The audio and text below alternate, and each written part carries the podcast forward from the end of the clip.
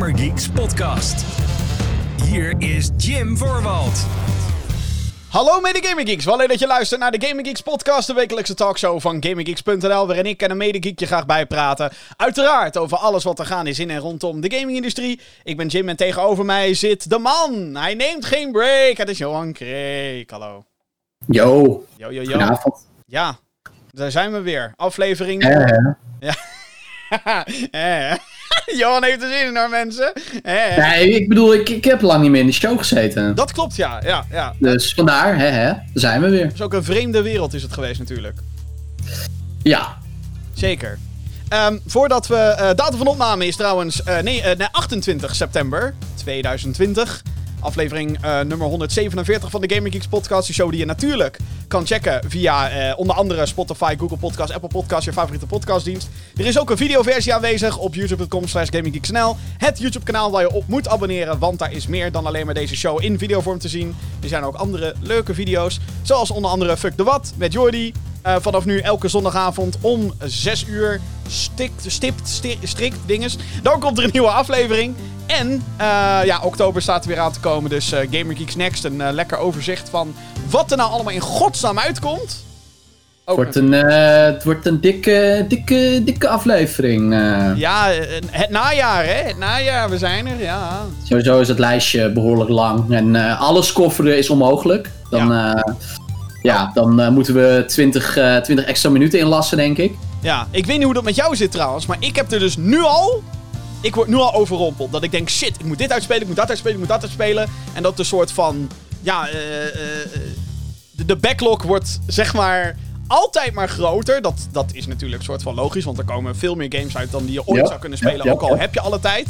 Maar ehm, zeker, nu heb ik zoiets van: oh shit, ik moet eigenlijk gewoon nu even als een motherfucker door Tony Hawk's Pro Skater. eh nou, één, alles heb ik dan al gedaan. Nu door alle levels van 2-1, weet je wel. Zodat ik dat soort van van mijn lijstje af kan halen. Eh, en dan moet ik ergens ook nog de tijd zien te vinden om er een video over te maken. Ik krijg al weet ik hoeveel klaagcomments. Op Waar blijft Ghost of Tsushima? Ja, waar blijft die review, man? Jezus. Jezus. Ehm, nou, mocht je die game nog niet gehaald hebben, als je van open world games houdt, doe het nou maar gewoon.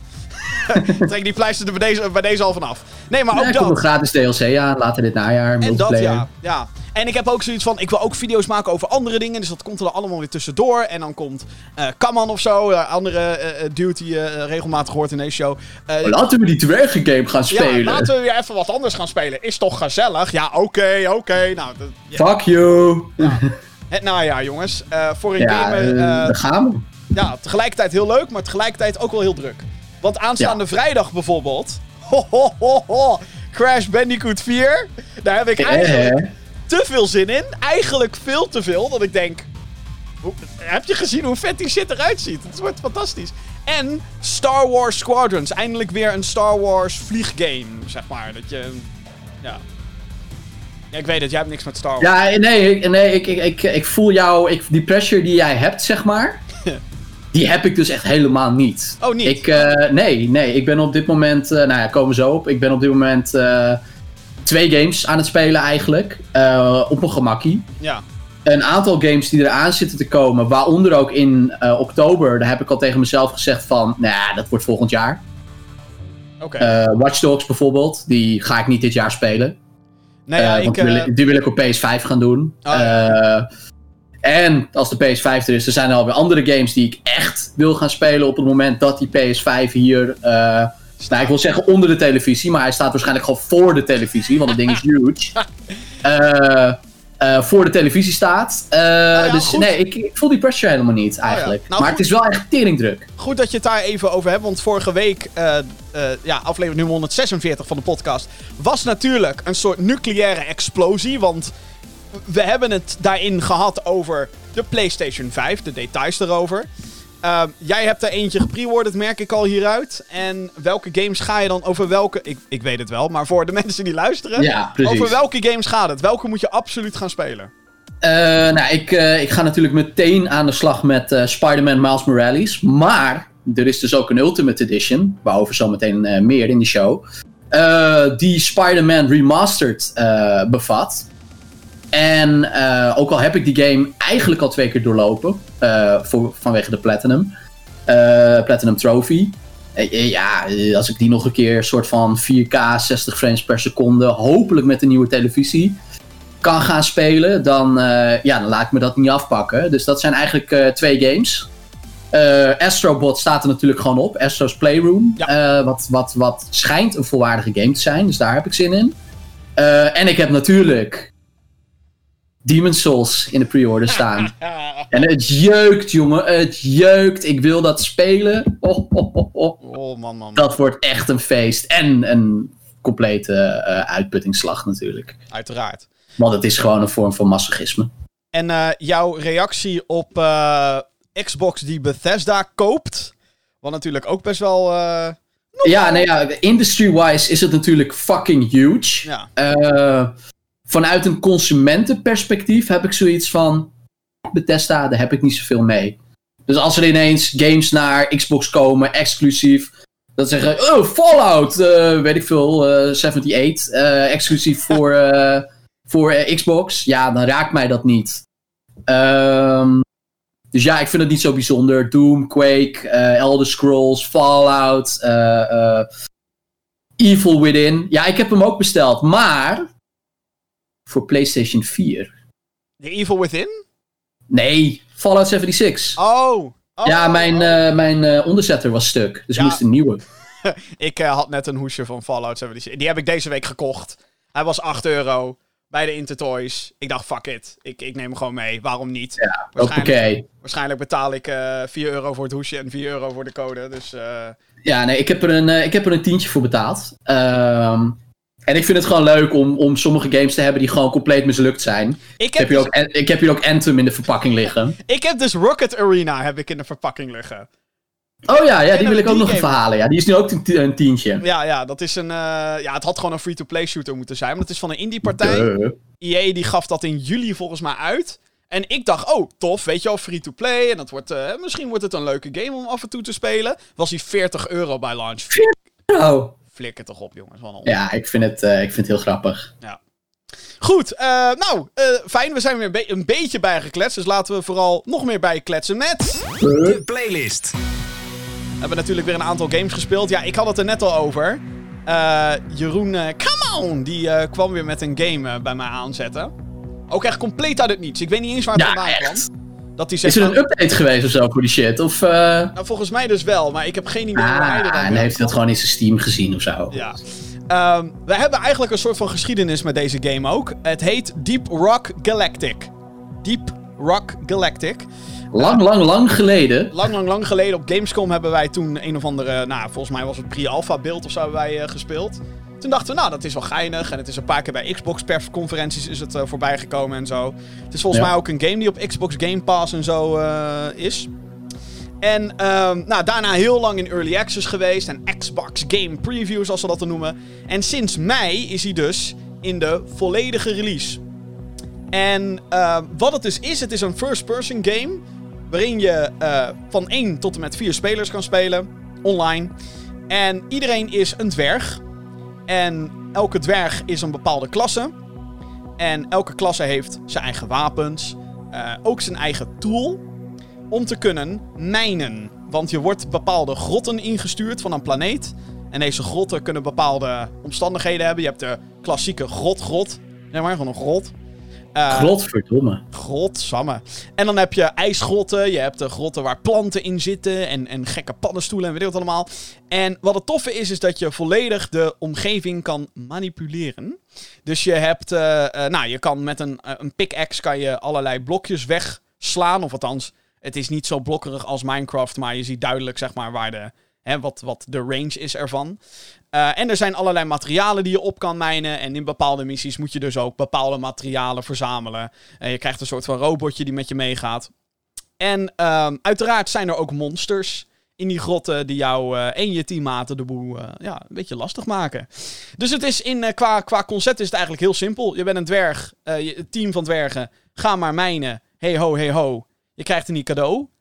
Nou, zeker niet. En dat klinkt dan misschien alsof ik het heel saai vind, maar het is echt heel erg tof gedaan. De manier hoe je. ehm, nou, wat ik al zei, de, alle dwergen hebben dus. Elke klas heeft een bepaalde abilities.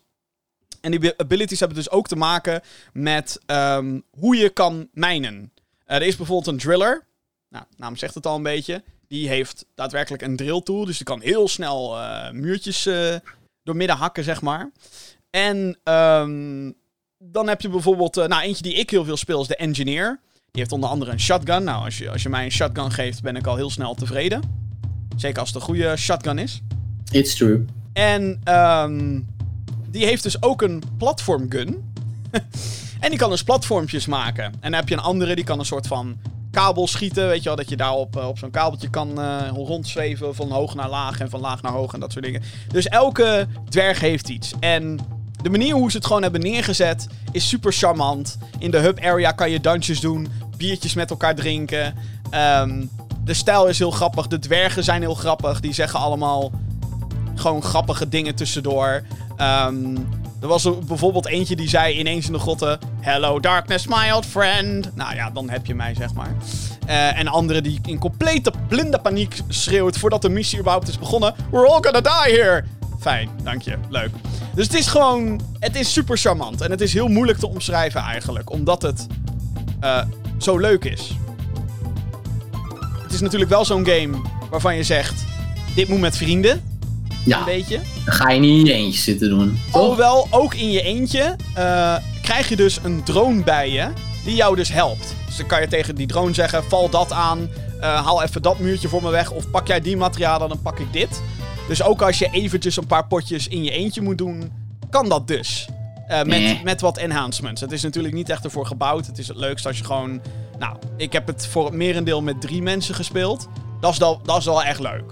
Zeg maar. Ja, maar het is nee, ook dat, gewoon. dat, eh, ik heb het ook een keer gedaan, dus ik, eh, ik snap het helemaal. Ik vond het toen ook heel grappig. En het, is super, het zit gewoon super charmant in elkaar. Het is heel goed ontworpen. Er zijn wel een paar elementen in de game dat ik denk... Nou, we, zijn, we hebben nu al weet ik hoeveel rondjes gelopen hier. Eh, en dat heeft dan vaak te maken met de secundaire objectives. Dat je bijvoorbeeld bepaalde... Dat zijn vaak ook bepaalde materialen die je moet verzamelen. Dus dat zijn dan hele specifieke dingen. Maar ik vind de, ja, de, de stijl, hoe het speelt en, en ook de verslavende factoren. Want je hebt eh, talloze upgrades. Je kan allerlei cosmetics unlocken. Eh, er zijn een paar skins die je kan kopen. Maar de merendeel is eh, gewoon te unlocken met... eh, gewoon als je speelt, basically. En Zoals het hoort. Hè? Zoals het inderdaad hoort. En dan zijn er weet ik hoeveel... eh, wat ik al zei, upgrades en elementen die je nog kan unlocken. Ik, ik, ik heb nog maar 8 uur gespeeld. En we hebben één missie hebben gedaan met iemand die er 500 uur heeft zitten. Wow! Ja, dat is echt niet normaal. En die had dus eh, bijna alles al. Eh, Tering. en, en er worden ook nog steeds dingen voor ontwikkeld. Dus ehm, bij deze zeg ik, als je nog een leuke co-op game zoekt. eh, hè, we zitten met z'n allen, moeten weer meer thuis gaan zitten. Ehm, als je zoiets hebt van, nou, ik zoek echt iets leuks. Wat je ook een beetje... Ik bedoel, er zitten wel paniekmomenten in deze game. Wanneer die, die monsters in grote swarms op je afkomen natuurlijk. Mhm. Maar er zitten ook heel veel rustmomenten in. Gewoon, we zijn lekker aan het mijnen hier. En je kan ook bepaalde dingen instellen trouwens. Dat bijvoorbeeld eh, het aantal monsters of hoe sterk de monsters zijn, dat kan je allemaal zwakker zetten. Krijg je wel minder beloningen voor, dus op die manier werkt het. Maar je kan er... Je je kan het spelen zoals je het wil eigenlijk. En dat is zo Nice. relaxed. Dus ehm, mijn aanbeveling van deze week, veel te veel tijd ingestoken. Ik had eigenlijk een andere game moeten spelen dit afgelopen weekend. Maar het is heel veel Deep Rock Galactic geworden. En ik eh, moet zeggen... No regrets. No regrets. Dus eh, eh, wat ik al zei, volgens mij is die op Xbox Game Pass. Why not? Hè? Lekker met je dwergenvriendjes gaan mijnen. Wat ik al zei, hey ho, hey ho. Op Xbox Game Pass krijg je het cadeau. Dus, Johan. Zo, nou, hartstikke idee. Ja, ik, eh, eh, ik ben aan de slag gegaan met eh, Mafia Definitive Edition. Ja, dat is de game die ik zeg maar veel had moeten spelen. Ik moet wel zeggen, ik heb, het, ik heb, één, ik heb de introductitie gedaan. Dus ik kan er eigenlijk niet heel veel over kwijt. Nee, ik eh, ben wel iets verder dan dat. Eh, even om, om, eh, om het product te duiden. Eh, er is nu ook de Mafia Trilogy, die is nu uit. Eh, dat is een verzameling van Mafia Definitive Edition, Mafia 2 Definitive Edition en Mafia 3 Definitive Edition. Waarbij Mafia 2 en Mafia 3 remasters zijn. Mafia En 3 niet eens trouwens. Mafia 3, nee, Mafia 3 is gewoon een re-release van. Het is het 2017? 16? Vraagteken? Ik heb geen idee meer, joh. Anyway, Mafia 3 eh, met alle DLC. En eh, daarom is eh, de benaming voor Mafia 1, wat dus Mafia Definitive Edition is, een hele rare benaming. Want Mafia Definitive Edition is een remake Ja, een complete remake van eh, Mafia The City of Lost Heaven, die uitkwam eh, in 2002. Eh, nou wat is Mafia voor game? Nou, het zit al een beetje in de naam. Het is een game waarin je speelt als de Mafia. Hey. Hey. Het speelt zich af in een, in een fictieve depictie van Chicago. Met een, met een vleugje San Francisco. Eh, Lost Heaven dus. En eh, jij bent een eh, taxichauffeur. Tommy Angelo. En jij rolt eigenlijk een beetje per ongeluk. Soort van dat maffia-wereldje in. En raakt helemaal verstrikt in, in één specifieke familie. De Salieri's. En die hebben beef met de. iets met Ello. Ik ben even de, de naam zoek. Eh, maar met een andere gang, basically. En eh, ja, eh, dan moet je dus allemaal klusjes gaan doen. Je moet wat mensen omleggen. Je moet mensen afranselen. Je bent vooral veel aan het rijden in deze game. ja. En wat gewoon tof is, is gewoon... Dit is dus een 40 euro product. En zeg maar, de, het gebrek aan liefde dat er eigenlijk zit in die remasters van Mafia... Nou ja, of de remaster van Mafia 2. Dat is zeg maar... Al die liefde die is gestopt in dit product. In Ah. Mafia Definitive Ja, Edition. want, ik, heb, ik heb zelf Mafia... Bij mij is het compleet... Ik heb compleet de verkeerde volgorde heb ik deze games gespeeld. Ik ben namelijk begonnen met ik begon Mafia... met drie. Ja, ik begon met drie. En toen dacht ik, nou... Dit had veel beter gekund. Gewoon alles. Deel 3 had hele vette ideeën. Maar uiteindelijk had ik zoiets van, nou... eh Ja, bugs het het zag er niet heel goed uit. Of. Op bepaalde momenten zag het er goed uit. En dan ging je een kamer verder. En dan was het van, wat de fuck is dit? Ehm, Mhm. Mafia 2. En daar krijg ik ook nog trouwens, heb ik best wel wat scheid van me eh, over me heen gekregen. Dat ik dat een slechte game heb genoemd. Want ik vind gewoon dat Mafia 2 heeft een van de meest bizarre open werelden ooit. Namelijk een open wereld waarin je letterlijk niks te doen hebt. En Ja, ja, ja. ja. waarin je ook Ja, dat is een beetje het probleem ook. Wat mensen. eh, eh, dat is niet zozeer het probleem van Mafia als reeks. Ehm 3 was natuurlijk wel echt een open world. Ja, Eh, daar, dus daar dat waren ook- meer richting die GTA's. Ja, daar waren Maar volgens mij Mafia wel- 1 en 2 zijn dat eigenlijk niet. Nee, nee. Nee, en, en, en Mafia, sowieso, Mafia 2 was een slechte remaster. Er zaten allemaal nog bugs in en glitches. Misschien hebben ze dat inmiddels gefixt, hoor, geen idee. Maar eh, toen ik het speelde, was het in ieder geval één grote teringzooi. Mhm. En wat ik dus heel interessant vond aan mijn hele korte speeltijd met deze dus, de, de, de eerste, Ja. de remake, Ja. is dat er in het hoofdmenu, op PC althans, ik ga er even vanuit dat het overal zo is, ehm, kan je, heb je dus een optie om alle eh, mandatory story drive, drive sections, zeg maar, Uit te zetten. uit te zetten. En toen Ja. dacht ik, ik heb dat nog niet gedaan. Ehm, maar toen dacht ik, hey, dit is wel iets waar ik me kapot aan ergerde in deel 2. Waar letterlijk 80% van de content was daar gewoon, rij daarheen. Oh, je bent daar naartoe gereden? Mooi man, rij nu daarheen. Maar hey, leuk dat je er bent. Hier is een cutscene. Rij nu maar weer terug naar je huis. En denk ik, wat de fuck is dit? Dit is toch Ja, bullshit? het, ver- het verschil zeg maar, met, met, met Mafia 1 en Mafia 2 is daarin dat je dan zeg maar. eh, je wordt ook de hele tijd binnen die, eh, binnen die, ja, die mobsters, zeg maar. Word je ook de hele tijd weggezet als de wheelman. Want jij was die taxichauffeur. Dat wil ik dus meteen zeggen. De, de game begint.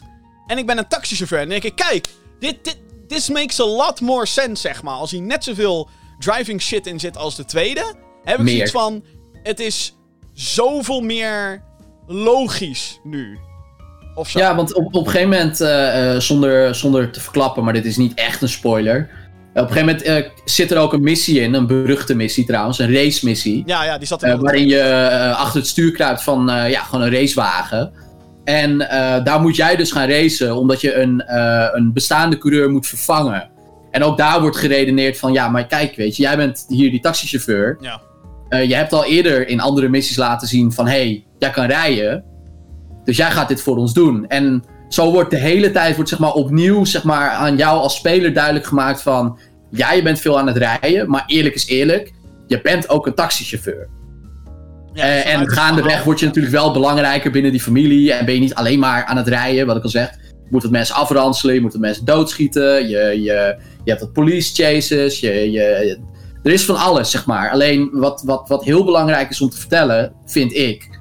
Want mensen hebben gewoon de verkeerde verwachting bij. eh, nou, bij, bij, waaronder dus Mafia 2 is geen GTA-game. En waar, waar, waar dat misgaat, is omdat het wel, zeg maar, in marketing wordt het soort van weggezet als, oh, dit is een soort van GTA, maar dan in de jaren eh, 40, weet je wel.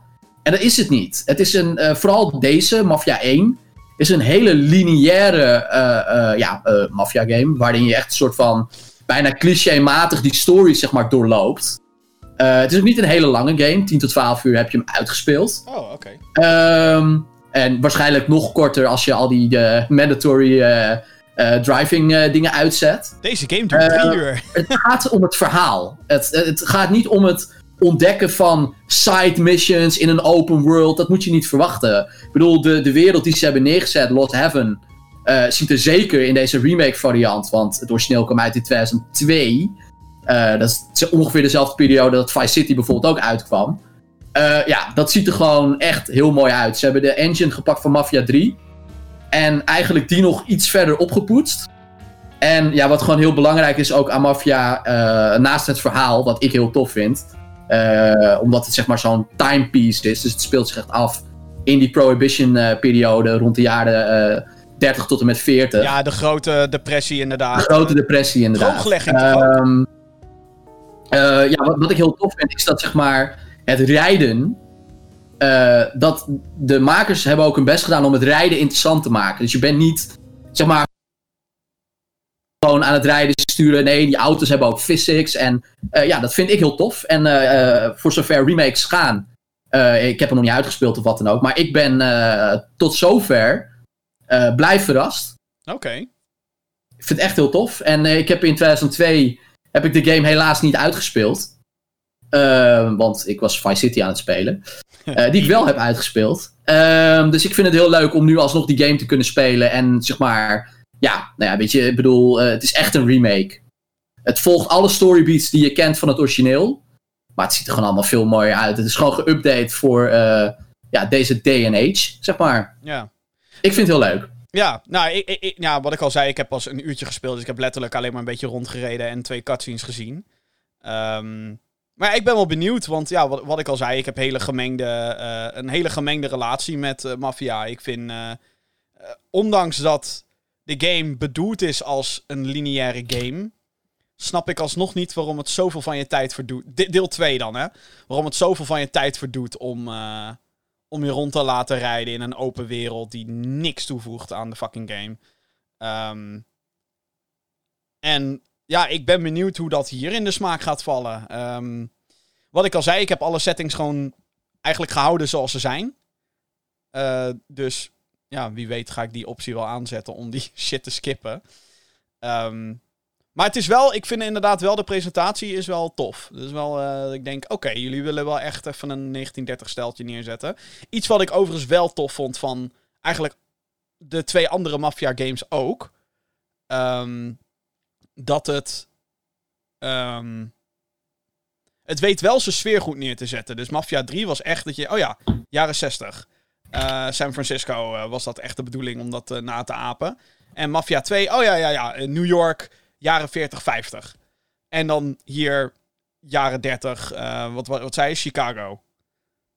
Nou, dat, dat, dat klopt wel, zeg maar. Dat, dat vind ik tof, dat dat, dat dat er wel echt in zit. Dus ehm, ja, wat mij betreft, goede dingen. Toffe dingen. Ik weet niet of jij nog eh, andere commentaar hebt op Mafia en zo. Of niet? Heb ik nog wel contact met Johan, is dan de grote vraag. Hallo, Johan? Johan? Hij hoort mij niet meer. Ik hoor jou nog wel, Johan. Maar daar heb jij niks meer aan. Wacht even. Let me check of dit eh, werkt. We gaan even een dingetje doen. Hallo, Johan. Jim? Hallo. Jim? Hi. Hallo. Nou, ik heb dus mijn zegje gedaan over Mafia. We gaan door. Ja, ik, eh, ik, eh, ik eh, had even live meegeluisterd. Oh, oké. Ja, nou ja, goed. Ik, ik moet het allemaal nog maar zien met, met Mafia dus. Daar komt het op neer. Anyway, nou, dat was eigenlijk wel een beetje... oh ja, wil je het nog hebben over de Super Mario 3D All-Stars collectie? Of, oei. Nee, laten we dat bewaren voor, eh, voor de geplande, geplande review. Ja, vorige Eh, week. want eh, er is al heel veel gezegd over die Super Mario 3D All-Stars. En eh, ik wil het ook een beetje gezellig houden vanavond. Zometeen in de Gamer Geeks podcast. Oude CEO's die nemen wraak op grote game-uitgevers met eigen projecten. We hebben maar liefst, Ja, we hebben maar liefst twee voorbeelden hiervan. Dus dat is spannend. Meer gameverfilmingen komen eraan. Yay. Mijn enthousiasme is er niet. En eh, extra opslag voor je Xbox Series X. Eh, ga je portemonnee maar trekken. En uiteraard gaan wij ook eh, de mailbox weer openen. Heb jij een vraag voor deze show als je dit hoort en je denkt... Nou, ik wil dit wel even weten. Mail podcast.gamergeeks.nl. Ik herhaal, dat is podcast.gamergeeks.nl. Nieuws. En we beginnen met Spider-Man. Ja, ja. Want er is ophef. En niet zozeer over de game zelf, maar nou goed, whatever. Sony PlayStation heeft deze week nogal wat gamers op de kast gejaagd. Terwijl Spider-Man Miles Morales een gratis upgrade krijgt van PlayStation 4 naar PlayStation 5. Die game komt eind dit jaar uit. Uh, dit geldt niet voor Marvel Spider-Man uit 2018. Overigens heet die andere game ook officieel Marvel Spider-Man Miles Morales, maar whatever. Um, dat is vreemd, aangezien er wel een remastered versie naar de PlayStation 5 komt. Een upgrade is dus niet verkrijgbaar. Maar mocht je nu al begonnen zijn met spelen en je wilt doorspelen met de remastered versie, ook al trek je dus je portemonnee voor een nieuwe versie, ook dat is niet mogelijk. Saves kunnen niet door. Of overgedragen. Gamers zien dit nu als een beweging die nogal anti-consument is. Anti-consumer wordt er overal geroepen. Want hé, hey, er zijn zat games waar je wel een gratis upgrade krijgt. En je zou denken dat Spider-Man, de originele, daar ook onder zou vallen. Dus. Ja. Ja, nou ja, dit, dit, dit vergelijkbare geval is er natuurlijk gebeurd met Control. Uh, een tijdje geleden. Toen ging ook echt iedereen op zijn achterste pootje staan van... Oh, wat is dat nou? Ik heb Control gekocht en hoezo krijg ik geen nou, gratis upgrade voor mijn PS5? Ik vond dat meer dan terecht overigens, maar maak je verhaal van. Ik niet, maar... Uh, Oké. Okay. Uh, en ik heb nu ook, ik heb ook weer nu zoiets van... Spider-Man is uit 2018. Ja. We zijn twee jaar verder. spelletjes maken kost gewoon geld. Zeker. Uh, en ja, weet je, ik bedoel. Ja. Ik, we zijn allemaal een beetje te veel. Kijk, enerzijds heb je zeg maar de markt die een bepaalde kant op beweegt. Of een aantal mensen binnen de markt die een bepaalde kant op bewegen. En ik vind het onrealistisch om te verwachten dat die hele markt zeg maar hetzelfde doet. Want je kan niet, je kan niet denken dat als een Ubisoft het doet dan moet EA het ook doen. Tuurlijk, als consument denk je van, ja, weet je, natuurlijk. Maar eh, vanuit, vanuit een bedrijf is het natuurlijk helemaal niet aan, uh, aan hun om te zeggen, oh, wij volgen Ubisoft. Um, en ik heb dat hier ook. En uh, de reden dat waarschijnlijk save games en dat soort dingen niet overgedragen kunnen worden, dat zal wel iets te maken hebben met soort van hoe, die, hoe die game is opgebouwd, de remaster dan in dit geval. dat is eigenlijk gewoon niet meer hetzelfde spelletje. Het is eigenlijk zeg maar hoe je uh, het verschil tussen bijvoorbeeld een, een um, dat is een goed voorbeeld. Um, Windows, een, oude, oude versie van Windows. Zeg maar, als jij nu Windows 10 hebt en jij, jij wil iets spelen wat eigenlijk gemaakt was voor Windows Vista, bij wijze van, dan is het zeg maar niet realistisch dat als jij nu iets koopt wat zeg maar gemaakt is voor Windows Vista, dat dat dan ook werkt op Windows 10. Want dat is destijds ontwikkeld voor Windows Vista. Tuurlijk, het zou hè, uh, upwards compatible kunnen zijn. Maar dat, dat is helemaal niet gezegd. En dat vind ik met, met Spider-Man, en misschien is dit een beetje een raar voorbeeld. Uh, ik vind dat met Spider-Man vind ik dat hetzelfde. Ik bedoel, die remaster die, die heeft van alle, allerlei uh, nieuwe tips en tricks en dingetjes en toevoegingen gekregen. Wat dan? en, en ja, het is, het is een, een remaster die draait op, op 4K, 60 frames per seconde. Ja, uh, er, er, zullen er ongetwijfeld nog andere dingen toegevoegd zijn die zeg maar niet mogelijk zijn op PS4. Dus het is een ander spel. Dus ik, ik, ik, ik zie het probleem niet helemaal. Sorry Johan, ik, ga hier, ik ben het hier echt heel erg met jou oneens.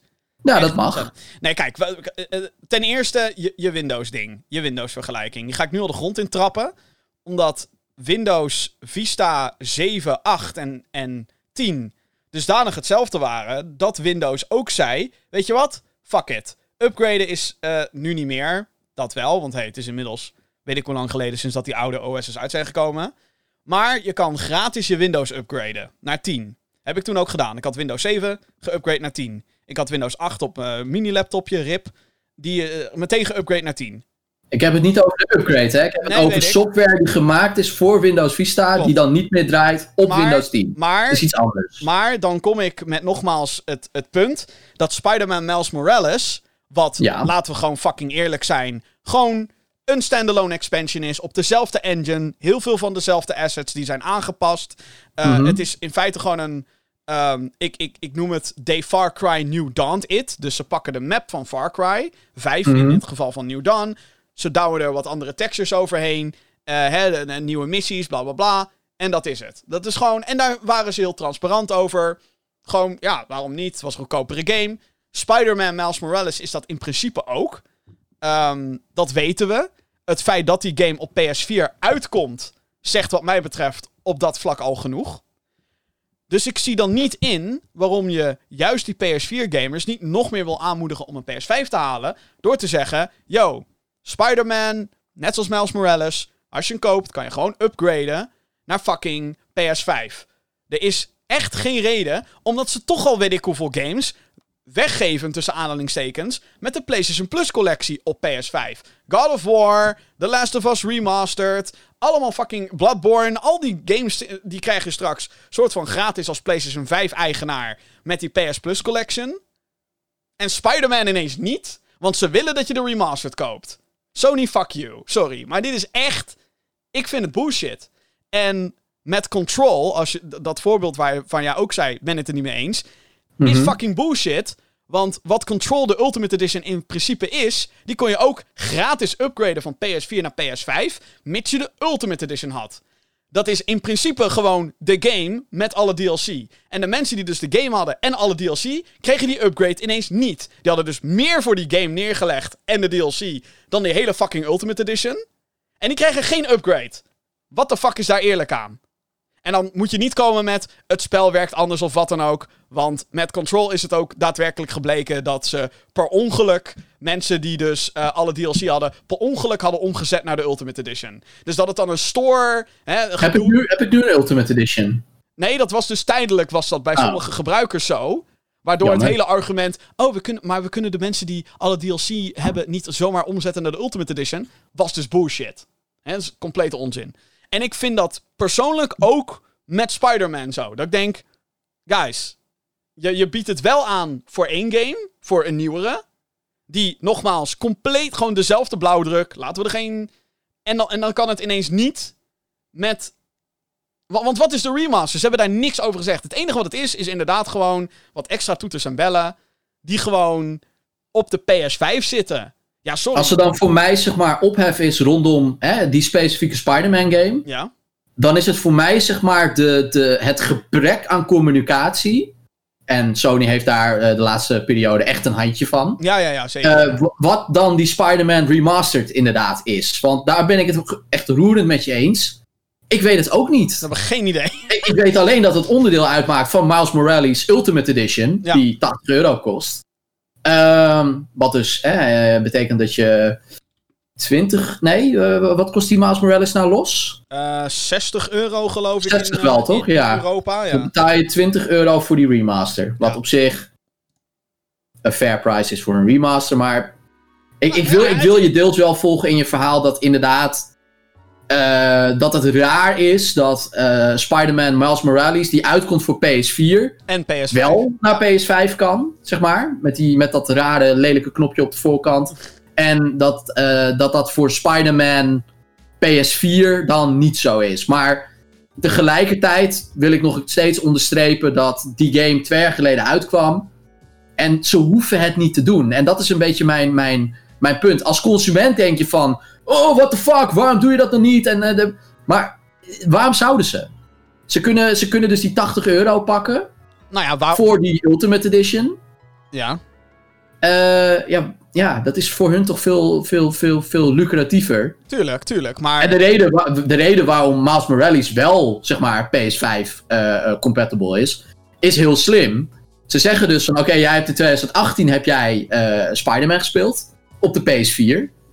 Toen zeiden ze eerst, na na na na na, Spider-Man Miles Morales alleen voor PS5. Ha, koop de PS5. Nou toen kwam natuurlijk die hele COVID-situatie en ze hebben niet genoeg units en bla bla bla. Dus toen zeiden ze, oké, Miles Morales wordt ook voor PS4. Eh, en die is wel, zeg maar, geüpdate naar PS5. Dus als je daar, zeg maar, op een gegeven moment wel de PS5 had en je duwt dat schijfje erin, dan krijg je wel Miles Morales. Anders geeft ze je, t- anders geeft ze je in, in essentie twee games gratis. Dat is toch raar? Business-wise. Nou, kijk, wat het, wat het gewoon is, is dat er heel veel eh, bedrijven zijn die oprecht eigenlijk soort van zeggen van... Yo, waarom zou je opnieuw 60 euro moeten payen? En ik weet het, nu is het soort van 20 euro, omdat de remaster... Maar dat ook, het is niet alsof die remaster Los verkrijgbaar los is. verkrijgbaar is. Dus je moet een beetje wat, wat, wat Activision flikte met Call of Duty Modern Warfare Remastered toen dat voor het eerst uitkwam. Dat ze eerst zeiden, nee, je moet dat met Infinite Warfare kopen. Want fuck you. Mhm. Ja. Dus het is, het, het, het, het is gewoon dat ik denk, jullie zijn hier echt smerige EA Ubisoft spelletjes aan het spelen. Wat niet nodig is. Want je kan gewoon zeggen, of je laat die hele fucking remaster gewoon zitten. Of je biedt gewoon die gratis upgrade aan. Ik zie niet waarom dat nou ineens in het geval van deze game zoveel moeite is. Da- daar moedig je toch juist alleen maar meer mensen aan om een PS5 te kopen. En dan ook te zeggen: Nou, hey Sony, jullie zijn zo lekker bezig. Weet je wat? Fuck it. Hup, hier geld voor Miles Morales. Hoppakee. Het is niet alsof Sony het geld. eh, Alsof ze die 20 euro. Come on, kan dat fuck aan. What the fuck, man? Wat is het voor, voor penny pinching bullshit? Het is onzin. Het is echt onzin. En ik denk overigens niet dat Spider-Man Miles Morales naar PS4 komt vanwege COVID. Ehm, ik, ik denk gewoon dat dat een, een, een beslissing is geweest die al heel lang gaande is. En wat ik ook vorige week al zei, ik ben daar best een beetje niet zozeer over Spider-Man, maar ik ben er vooral pissig over dat Horizon naar PS4 komt. Same, same. Want dat geeft eigenlijk aan dat het helemaal niet een next-gen, een echte, ne- een echte next-gen game is, weet je wel. Whatever. Maar ik vind het, eh, Ja. kijk, eh, er wordt nu heel veel herrie gemaakt hierom. En dat is natuurlijk omdat Xbox juist super pro-consumer bezig is. Hè, met een eh, Series S, 300 euro. En eh, hier, zijn, hey, hier is de Xbox Game Pass. En oh, we houden van jullie, blablabla. Dus in die zin is het een beetje... Je zou bijna denken dat een, dat een Xbox fanboy waarschijnlijk de discussie gestart is. Op internet. En dat dat is gaan... Ja, zo van, laten we even wat olie op het vuur gooien, dan loop ik weg. Ja. Hey, doei. Ja, een beetje, beetje dat. En ik heb ook inderdaad mensen al, ook op Twitter, waar heb ik discussies gehad met mensen die Sony het liefst zien branden in de hel. Weet je wel, oké, eh, whatever. Heftig. Ja, maar ja, ik, ik vind het, ik, het, het is gewoon jammer eh, dat, dat Sony, en ik denk de reden waarom je nu ophef over is, is omdat het nu een beetje opstapelt bij Sony allemaal. Sony heeft geen hele goedkope optie als nieuwe console. En ik snap heel goed waarom, want het zijn Mhm. hè, de PS5 Digital en de Disc editie zijn in principe gewoon hetzelfde. Met of zonder disc tray, that's it. Mhm. Ehm, maar gewoon de hele manier hoe ze omgaan. Voor mij, kijk, voor mij is een grote turn-off op dit moment die fucking prijzen. Dat ik denk, 80 euro voor een game. Mhm. Wij betalen 24 26 tot 26 dollar meer dan een Amerikaan voor hetzelfde product. Fuck Ja. you. Fuck you. Dat je naar 70 euro gaat, whatever. Kan ik hartstikke mee leven. I get it. Games worden duurder, moet altijd, al- altijd maar groter en beter. Maar 80 euro is wel echt het pushen gewoon. Dat is echt niet normaal. En dan komen ze ook nog eens met zoiets. En dan heb ik wel zoiets van... hmm, dit is... eh, dit- Ja, maar vergeet niet dat de retailer de prijs maakt, hè? Nou, daar twijfel ik dus aan. Eh, Ik, waar ik dus heel benieuwd naar ben, en ik weet dat nog niet, eh, is wat de retailer als adviesprijs heeft meegekregen. Want eigenlijk zijn Die heeft- PS4-games van, van Ook eh, 70. origine 80 euro. Oh nee, dat heb ik nooit gezien. Nee, maar de... 80 euro. de, de, de, Dat, dat, dat is de prijs die Sony geeft. de ja, dat is inderdaad nu ook de prijs die Sony geeft, by the way. Recommended retail price. En als de retail dat volgt, want ja, je zegt het zelf, recommended, suggested retail price, SRP, Ja. eh, ja, dan volgt de retail dat. En dan zou je nog kunnen zeggen, ja, maar Sony is gekomen met die 80 euro en eh, nu volgt de retail dat. Dus dat komt door Sony. Kijk, als je al kijkt naar, naar de, de staat van de wereld op dit moment, ook zeg maar, hè, qua, qua winkels en bla bla bla, weet je, alles staat op omvallen. Laten we wel wezen. Tuurlijk, alles ja. staat op omvallen. Eh, dus iedereen waar, waar ze extra omzet kunnen maken, eh, zullen ze dat doen. Ik heb, ik heb een, een webshop gezien ten tijde van de pre-order voor eh, de PS5. Die heeft gewoon 100 euro bovenop geklapt. eh, Coolshop was het volgens mij. Die heeft er 100 euro bovenop geklapt. Omdat het een schaarste artikel was. En omdat mensen zoiets, zij zoiets hadden van. Daar gaan ze ook 600 euro voor betalen. Oh, en wat blijkt, het is waar. Ik heb hetzelfde hoor. Ik kocht van de week een RTX 3090. En Ja. eh 10 minuten voordat de pre-orders live gingen, F5'de ik even al die pagina's. En ineens Boom. bij een paar winkels gingen er 100 euro bovenop. Motherfuckers. Ineens. En, en dat, dat komt niet door Sony. Dat is zeg maar, dat is Europese wetgeving. De retail Nou, mag luister, die prijs kijk. bepalen. Dus Ja, maar Sony zet natuurlijk... prijselasticiteit. Ja. Sony zet natuurlijk wel een bepaalde standaard neer. En je moet natuurlijk ook dat de inkoopprijs van Sony waarschijnlijk ook omhoog gegaan is voor al die winkels. Dus het is niet alsof... Eh, dat, dat, zal, dat zal ongetwijfeld, tuurlijk. Het zal niet zo zijn dat, dat, dat Sony alleen maar naar de retailers kan wijzen en zeggen: kijk eens hoe duur het is. Want die prijzen zetten ze godverdomme zelf op het PlayStation-blog. Dus Maar niet eerlijk, alsof- eer- eerlijk, ik bedoel, hè, wij, wij, wij gamen al een tijdje. Ja, Eh, wij, wij hebben de, de beweging van de, de industrie gezien. zeker. Inmiddels is de gaming-industrie eh, eh, de grootste entertainment-industrie. Groter dan film. 100% ja. Ehm, we weten wat, wat het kost om bijvoorbeeld een, een, een Last of Us Part 2 te maken. Ja. Eh, Uit- voor jou misschien dan nu niet helemaal het juiste voorbeeld. Uitzondering, Maar, maar. eh, ik zou, ja, nou ja, ik bedoel, eh, Ghost of Tsushima heeft ook, eh, heeft ook niet niks gekost. Een project waar ze mee bezig zijn sinds 2007, eh, wat is het, 2015. Eh, wat dan vijf jaar later een keertje uitkomt. Het kost gewoon heel veel geld. En eh, eh, ja, ik, ik heb persoonlijk zoiets, en daar ga je het niet met mij mee eens zijn. Eh, en dat is natuurlijk per persoon anders, want hè, ik weet niet wat iedereen in zijn portemonnee heeft zitten. Maar als je tegen mij had gezegd van The Last of Us Part 2 is 80 euro, prima. Betaal ik graag. Eh, niet voor alle games natuurlijk. Ik bedoel, eh, Destruction All-Stars bijvoorbeeld. Ook zo'n PS5 game waar echt niemand om keert. Ik zie ook heel hard denken van, eh, Destruction All-Stars, hm, nooit van gehoord. Jawel, dat is die andere launch game die niemand gaat kopen. Ja, die is ook 80 euro. En daar heb ik zoiets van, dat staat voor mij niet helemaal in verhouding met bijvoorbeeld 80 euro voor een, eh, een, een, een Demon Souls of een Horizon Forbidden West of wat dan ook. Want daar wil ik het graag voor betalen. Als ik kijk naar Destruction All-Star, denk ik van ja, waar is dan de productiewaarde? Dus het is, eh, ik, ik zou het fijn Ja, vinden. maar en, dat, is, dat is dus wat er, wat er nu gaande is. En mijn gek genoeg. Dit zei ik vorige week ook al. Maar gek genoeg kwam mijn moeder dus met een grappig voorbeeld. Die zei: Hoe zit het dan met verjaardagsfeestjes? 80 euro voor één game? 80. Maar snap je die sprong, zeg maar? Van. ja, maar Jim, 60. ik heb, in een, ik heb zeven jaar in een, in een, eh, in een Ja. speelgoedwinkel gewerkt. En daarna nog eh, een aantal jaar in de webshop. Van 60 naar 80 in één keer, hè? Voor, Ja, maar voor- er wordt geen 60 euro uitgegeven voor de verjaardag. No way. Nee, maar ik heb het. eh, Nou, nee, is, nou, dat weet ik niet eigenlijk. Ik Nee, heb wel eens. Ik heb wel, jawel, ik heb wel eens voor kerst heb ik een 60 euro game gekregen. Ja, oké, maar hoe oud was je? Ja, klopt. Maar dat, en daar blijft het Ja. dan vaak ook bij. Ja. Maar 80 euro. Nee, maar, maar dat betekent dus ook dat, als iets, ik- dat als iets in de aanbieding is, dat we dan pas op de 60 zitten. En Mhm. ik snap het, games worden steeds duurder, bla bla bla bla bla. Maar zeker als, je, als we dan toch kritisch gaan zijn en we gaan naar die launch line-up kijken. Sorry hoor, Demon's Souls, een remake van een PS3-game. En nu ben ik fucking lullig en kritisch, laten we dat wel even wezen. Spider-Man, Ja, wauw, een standalone expansion op een fucking game uit 2018. Wauw, Destruction All-Stars, wauw, Sackboy, wauw. Gewoon, kom op, waar, waar de fuck zit hier 80, 80, eu- 80 euro?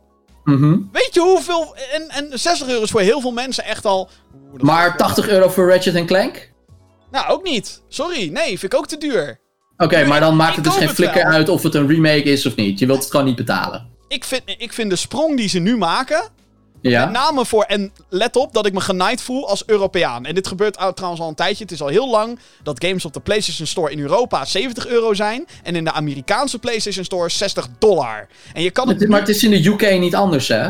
Ja, nee, Waarom denk je dat nee, maar- zoveel UK-import is? Ja maar, ja, maar waarom worden wij zo hard genaaid?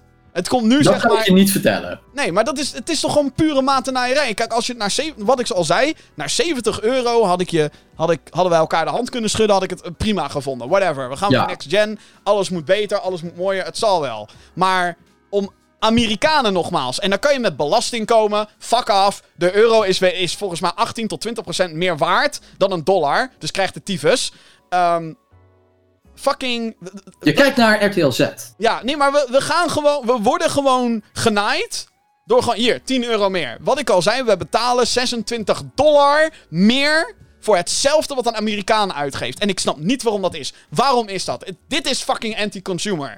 Ik, ik weet het niet, Jim. Eh, misschien is het koopkracht, misschien zijn het andere afspraken, misschien is het de inkoopprijs. Ik weet het niet. Het enige wat ik je kan vertellen is je dat. betaalt aan PlayStation Europa. Als jij nu iets koopt op de Europese PlayStation Store, gaat het naar fucking PlayStation Europa BV, whatever, Europe.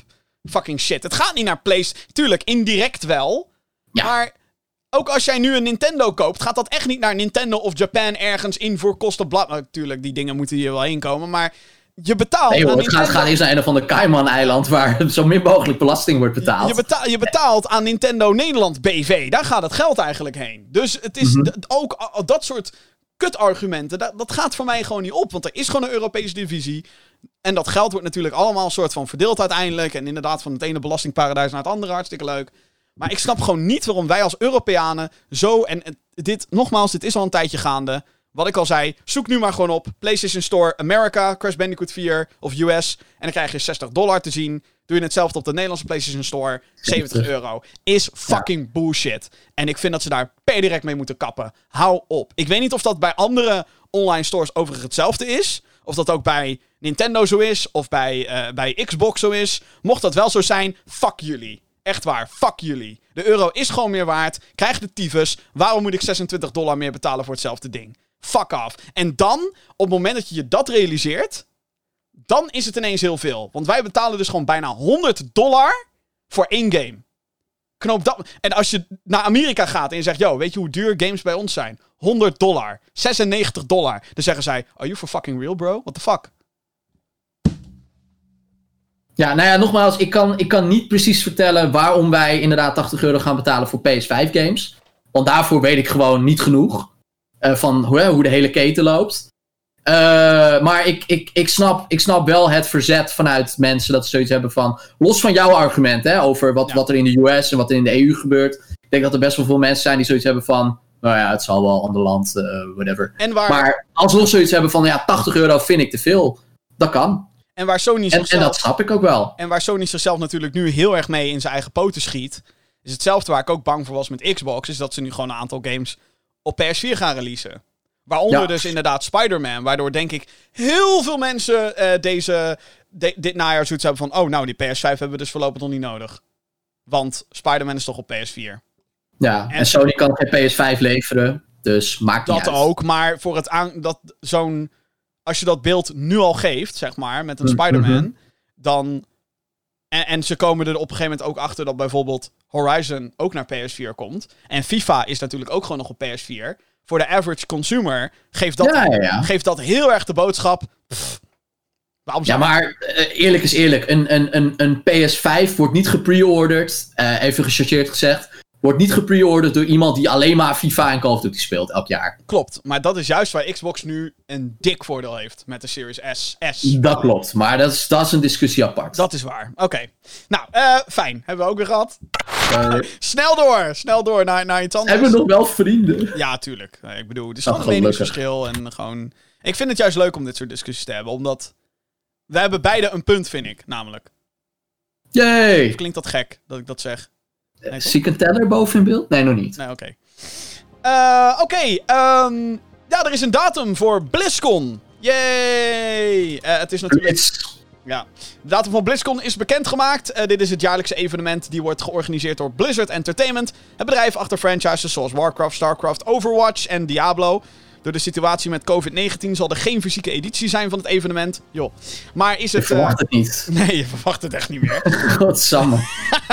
maar is het omgedoopt tot eh, BlizzCon Online, zo gaat het nu officieel heten. Dit zal gehouden worden op 19 en 20 februari 2021. Dat is best wel laat, want normaal gezien is BlizzCon elke, eh, in de eerste week van november. Eh, naast community events en e-sports toernooien wordt er ook nieuwe informatie verwacht omtrent de nieuwe titels in ontwikkeling, zoals Overwatch 2 en Diablo 4. Dit is alleen nog niet officieel bevestigd, dus het is afwachten tot eind februari, wanneer we dus eindelijk meer info krijgen vanuit Blizzard. Ja. Eh, ja, jij hebt Ja, volgens mij ja niks ik, met heb, ik Blizzard. heb niks met Blizzard. Blizzard is voor mij net als Bethesda. Ja, het kan me echt gestolen worden. Ja, ik, ehm, ja, ik denk wel dat, dat er eh, zeker ook eh, vertraging is geweest, natuurlijk, omtrent eh, COVID en zo. Ehm, ja, ik mag toch wel hopen dat Overwatch 2 bijna af is. Dat is het enige wat ik erover wil zeggen. Kijk, dat Diablo 4 nog een tijdje gaat duren. Whatever. Het zal wel. Er Mhm. komt ook een nieuwe World of Warcraft expansion natuurlijk uit. Dat is eind oktober komt dat ook. Um, maar dat Overwatch 2 wordt wel echt tijd, zeg maar. Dat we daar ook uh, wat meer over te horen gaan krijgen. Dus ja.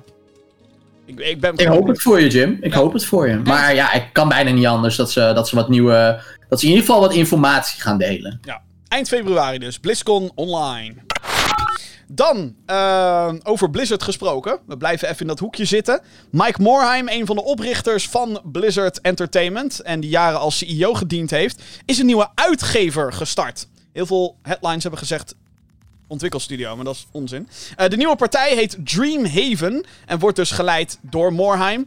Het hoofddoel is, volgens hunzelf, om games te bouwen waar grote uitgevers zich niet aan durven te wagen en waar indies vaak het budget ook niet voor hebben. Dus ambitie is een beetje het voorfront.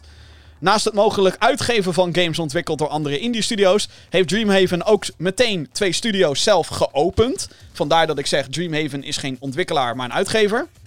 Uh, de nieuwe studio's heten Moonshot Games en Secret Door. Beide liggen in Irvine, Californië. Al jaren gaan de geruchten dat Mike Morheim niet tevreden was met de richting waarin Blizzard ging sinds dat het overgenomen werd door Activision. Het is dan nu ook Activision Blizzard. Met deze move lijkt dit min of meer bevestigd te zijn. Als je benieuwd bent wat voor games er uitgebracht gaan worden door Dreamhaven, eh, nou, dat moeten we voorlopig nog even afwachten. Op dit moment staan er nog een heleboel vacatures open en zijn er ook nog geen games aangekondigd. Ik zit nu ook even op die website en het uh, schreeuwt Blizzard, zeg maar. Ja, het ziet er mooi uit. Ja, nee, maar dit is echt gewoon de kleuren van Blizzard. Het is uh, de manier hoe de website gebouwd is, is Blizzard. Het is, uh, ja. ja. Ik ben benieuwd wat, uh, wat ze gaan brengen. Ik bedoel, een publisher die, die een bepaalde, bepaalde niche probeert op te zoeken, wordt altijd gewaardeerd. Dus ik ben, ben benieuwd. Ja.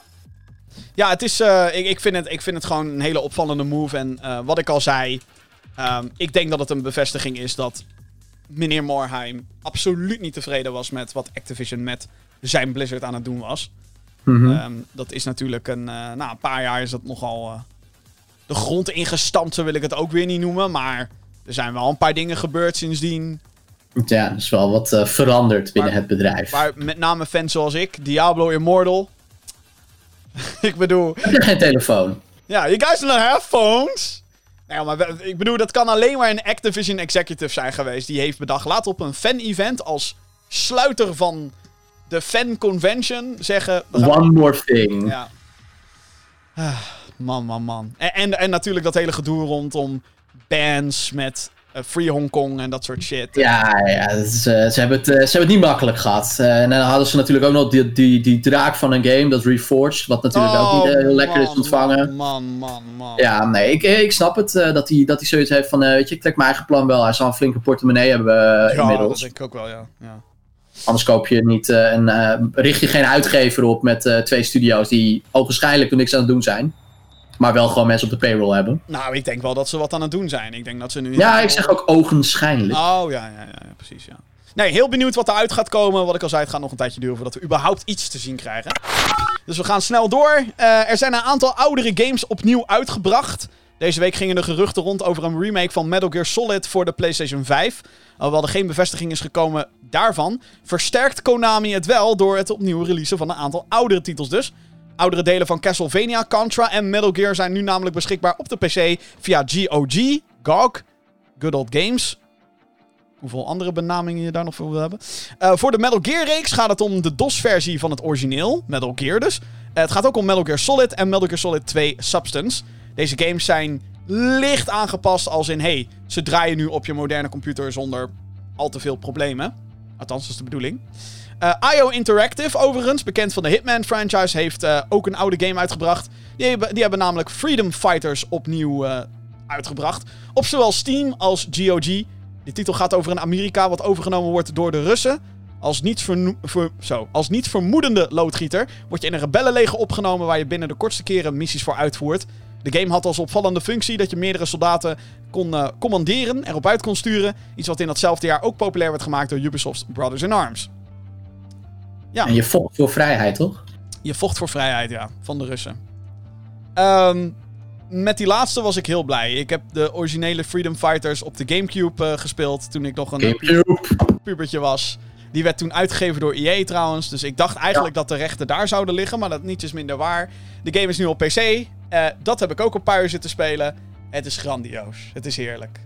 Nog steeds een leuke game. Ja, ik bedoel, het is natuurlijk wel cheesy as fuck. En het is... eh, ehm, ik bedoel, het is, het is gewoon... Oud. Ja, het is gewoon oud. En net zoals dat het die, eh, eh, met die Metal Gear games... Het werkt nu op je PC. En het ondersteunt moderne resoluties. Maar daar is nogmaals alles mee gezegd. Ehm, maar alsnog heeft het nog wel die... eh, de illusie Die van... shit komt toch ook in co-op? Freedom Fighters? Volgens mij niet. Nee, volgens mij is er echt... Echt al- niet? Nee, Nou, dan heb ik een andere game in co-op gespeeld. Vergelijkbaar. alleen een singleplayer. Maar je kan dus wel die soldaten zeg maar één voor één commanderen en...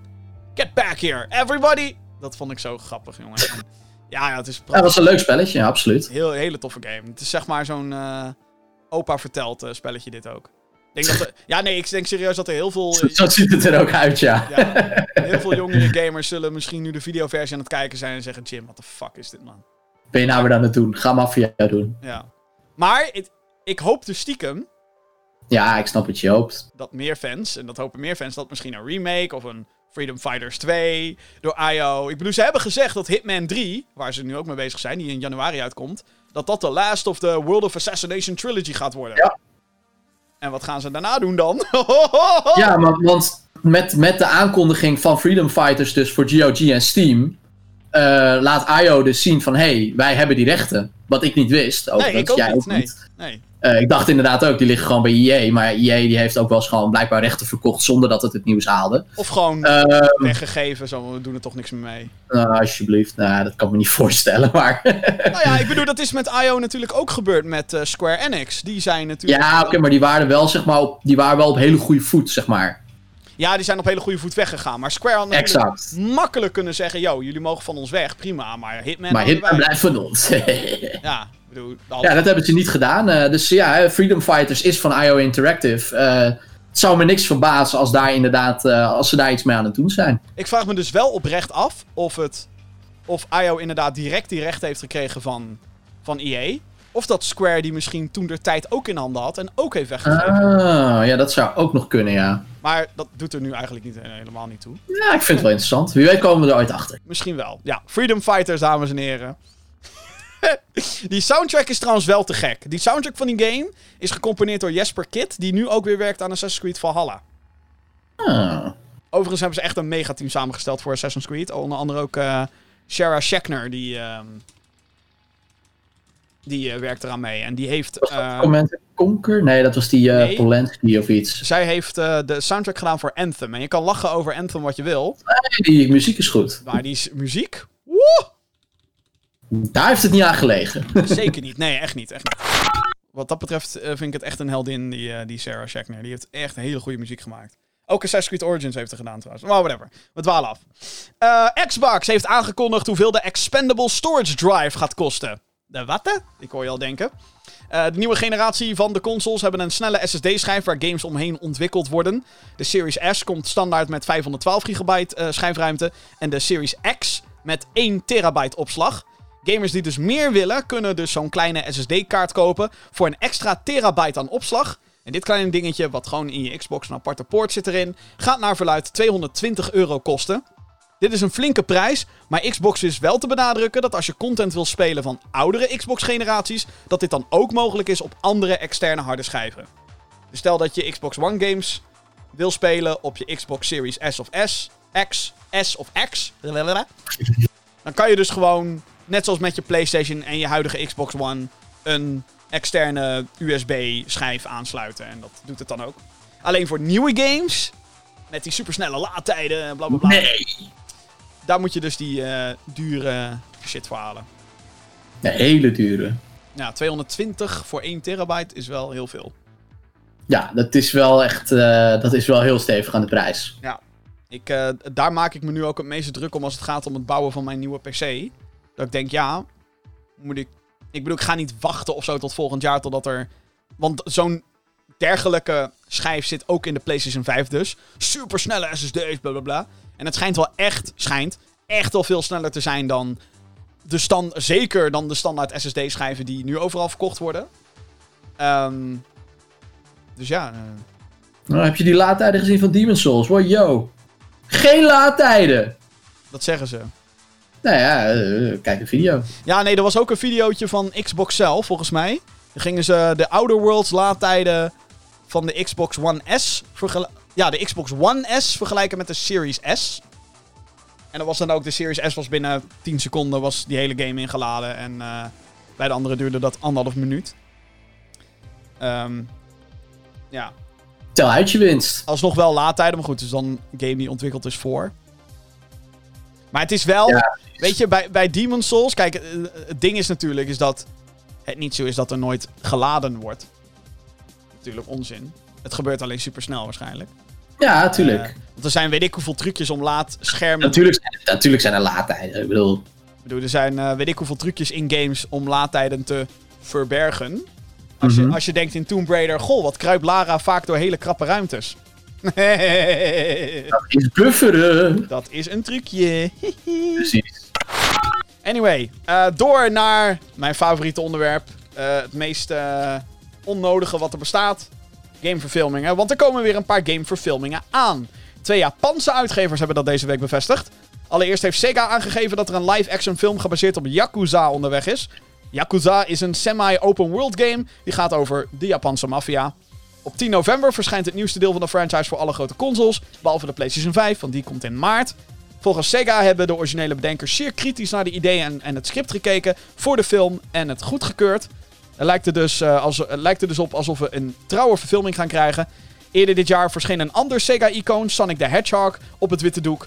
Hiervan is nu een vervolg in ontwikkeling. En Capcom heeft ook een nieuw filmproject aangekondigd, namelijk een CGI Resident Evil serie. Dit is een vervolg van de Resident Evil 2 remake en volgt Leon S. Kennedy en Claire Redfield.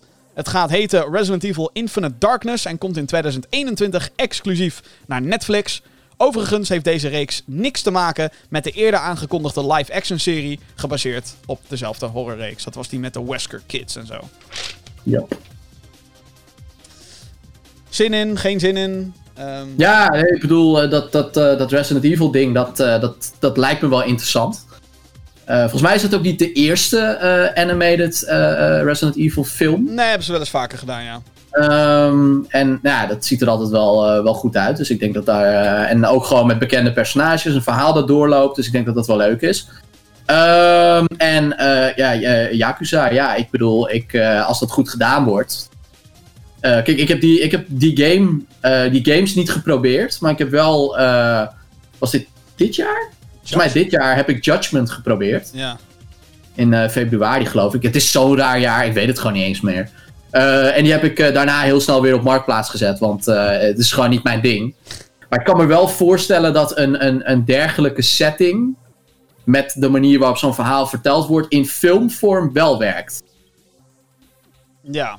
Dat denk ik. Maar ik bedoel, only time will tell. Wel fijn om te horen dat de, de originele makers van de studionaam die ik niet kan uitspreken. eh, dat die eh, hun eh, blessing hebben gegeven.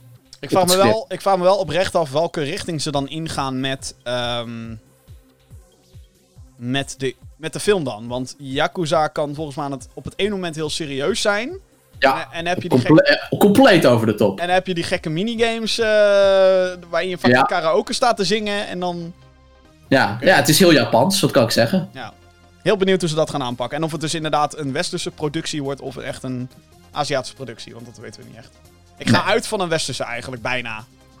Maar goed, misschien is dat te vroeg gedacht of zo. Geen idee. Er is een datum bekend voor de Game Awards. Dit is een jaarlijks evenement die gehost en geproduceerd wordt door oud gamejournalist. Want ja, als je zo diep in de gaming-industrie zit, kan je, Ja, wel oud. Ja. ja, kan je jezelf echt geen journalist meer noemen. Jeff Keighley natuurlijk. Ja hoor, daar is hij weer met zijn gladde hoofd. Dit zal, het dit zal het zevende jaar op rij worden eh, dat het evenement gehouden wordt. Maar dit keer wordt het enkel een digitaal feest, gezien de toestanden rondom corona natuurlijk.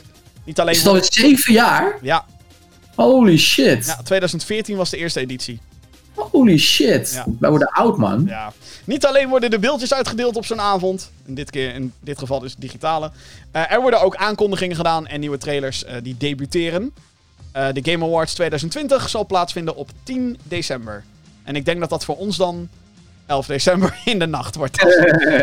Als ik het... Ja, ik zag een, eh, ik zag een tweetje voorbij komen van, eh, van Jeff. En hij had daarin Joseph Ferris getagd. Ah. die we kunnen kennen van Brothers, A Tale of Two Sons of A Way Out. Fuck die Oscars, zei die gast op Ja, de Awards. precies. Dat is die guy. Ehm, zij hebben min of meer hun nieuwe project al aangekondigd tijdens eh, eh, EA Play eerder dit jaar. Maar daar hebben we toen ni- niet echt iets van gezien. Nee, een beetje Eh, concept Het zou me niks verbazen als we een trailer krijgen eh, tijdens de Game Awards. Ja.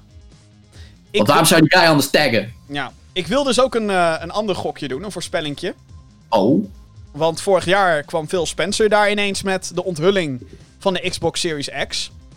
Mhm. Dus Microsoft en de Game Awards, dat wil wel. Wat nou als? En dit is een. Xbox Series Z. Nee, dat niet. Maar wat nou als... Todd Howard het podium opkomt en een sneak peek geeft van Starfield. Starfield, ja. Het zou me niks verbazen. Gewoon meteen dat Phil Spencer daar staat. Please welcome my new friend, Todd Howard. En dan komt Todd Howard daar. Bro, bro, bro. Oh, oh 16 times the detail. Bla, bla, bla. Of eh, koop, koop Fallout 70 shit. Ehm, by the way, we zijn natuurlijk ook bezig geweest. En hij, zegt ook de hele tijd, als het over Bethesda gaat, ziet hij ook elke keer... Ja, ik vraag me af waarom mensen zo hyped zijn over een game waar ze nog niks over weten. Laatst ook in Ja, ik- zo'n eh, in zo'n podcast tussen aanhalingstekens met eh, Major Nelson, Phil Spencer en Pete Hines van Bethesda. Zat hij ook weer zo van, soort van, ja, ik vraag me af waarom mensen zo hyped zijn over Starfield. Ze hebben er nog niks van gezien. en dan denk ik, motherfucker. Dus het zou me niks verbazen als dat, als, als er zoiets daar, in ieder geval iets van Xbox. Het, eh, het, eh, het wordt wel tijd om ook daar natuurlijk iets te gaan laten zien. eh Ja, en uh, wat ik, Starfield dan, hè? Ik bedoel, ja. en dat wat is ik, natuurlijk al een tijdje in ontwikkeling. en wat ik ook denk, is een Smash character. Maar... Als die niet daarvoor nog aangekondigd Ja, Ni- wordt. Nintendo is Via een tweet natuurlijk. Ja, Via een ja. tweet. Nintendo is natuurlijk gewoon van het fuck it, hier is eh, de drop ineens. Hier heb je een tweet. Hey. Ja, een tweet, een tweet, jawel. Een tweet met een YouTube linkje. Nou ja. Hier is, hier is onze najaarsline-up. Oké. En they said Twitter was dead. Come on. Vorige week hebben we het in de Gamer Geeks podcast ook al over het vertrek van Michel Ancel gehad. De bedenker van onder andere Rayman en Beyond Good and Evil is vertrokken bij uitgever Ubisoft om zich te richten op een nieuwe carrière. Namelijk een natuurreservaat in een natuurreservaat.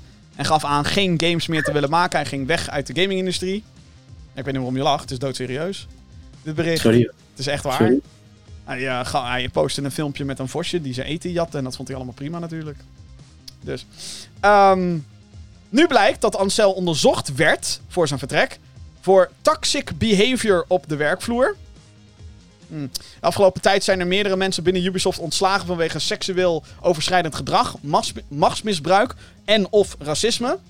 Ansels gedrag zou meer gaan om het stelen van ideeën van werknemers. Om die vervolgens als, eh, oh, dit heb ik bedacht, te presenteren. En een Heel agressieve, Frans. ja, en een agressieve managementstijl, waardoor werknemers in een burn-out terechtkwamen. Michel zelf is boos over eh, dat zijn onderzoek nu wordt gelinkt aan seksueel misbruik. Hij ontkent alle aantijgingen ook overigens. Ja, nou ja, snap ik. Ik bedoel, eh, kijk, eh, dat, dat de beste man zeg maar een ramp kan zijn om mee te werken, verbaast me niks. Dat, dat is wel vaker met artiesten. Die hebben toch wel een, een willetje. Ja. Ehm, maar ja, als hij, als hij daar, zeg maar, als hij... Eh, er is ook vanuit Ubisoft helemaal niks gezegd over, over eh, seksueel misbruik of wat dan ook. En volgens mij is dat, eh, dat bericht dat hij inderdaad vertrokken is vanwege toxic behavior, is ook vrij fris. Vrij, vrij vers. En ook volgens mij niet door Ubisoft zelf naar buiten gebracht. Nee. En dan krijg je natuurlijk dat, dat hè, boze tongen gaan beweren. De geruchtenmolen gaat gewoon draaien. Dus hè, er zijn al een soort van 25 man uitgebonjourd. Hè, snap je? Bonjourden, want het is een Frans bedrijf. Eh, eh, dus dan zou die Ansel er ook wel uitgegooid zijn vanwege vergelijkbare redenen. Ja. Eh wist er wel het lachbandje. Ehm, dus Sorry, ja, ik, ik bedoel, als het echt niet aan de hand is, dan snap ik wel dat hij dat vervelend vindt. Ja, nou ja, kijk, het is wel. Ik bedoel, laten we wel gewoon wezen. die man heeft de afgelopen tien jaar aan allerlei dingen gewerkt. die maar niet uitkwamen. Wild en Beyond Good and Evil 2. Mhm. Ja, eh, ik weet niet Ja, hoe de fuck je dan nog. Ja, Ja, nee, ik, ik, be- ik bedoel, ik snap het ook. Stel nou dat ik in het, in het ontwikkelteam zou zitten van Beyond Good and Evil eh 2 in dit geval. En die Ansel, die, die blijft maar dingen naar je roepen van ja, we moeten dit doen en het moet groter en eh, en. En dat je zoiets hebt van ja, maar dude, ik zei bij, bij, bij de, de, de, zeg maar, het ontstaan van dit project, zei ik al, dat kan niet. En je blijft, je blijft maar drukken en duwen en, en, en je wil een nieuwe gameplay laten zien en dat kan gewoon allemaal niet. En als iemand dat de hele tijd blijft doen, ja, dan zou ik op een gegeven moment ook eh, thuis gaan zitten met een burn-out, denk ik. Want dat is gewoon eh, heel vervelend. Ja, Overambitieus. zeker. Deze week is naar buiten gekomen dat, er een, eh, dat de nieuwe studio Builder Rocket Boy... Wat volgens Boy. mij gewoon een lyric is van Elbow. Dat weet jij beter dan ik. Anyway, nieuwe studio Builder Rocket Boy heeft meer dan 40 miljoen euro opgehaald bij investeerders om aan een nieuwe open world game te werken. De game gaat Everywhere heten en moet een soort sci-fi twist op Grand Theft Auto worden. De studio wordt geleid door oud Rockstar CEO Leslie Benzies, die in 2016 bij de Grand Theft Auto ontwikkelaars vertrok. Wanneer we de game kunnen verwachten is nog niet bekend. Maar het geld is er in ieder geval. Dat wordt opgehoest door een paar grote bedrijven, waaronder het Chinese NetEase. Die overigens ook werkt aan Diablo Immortal.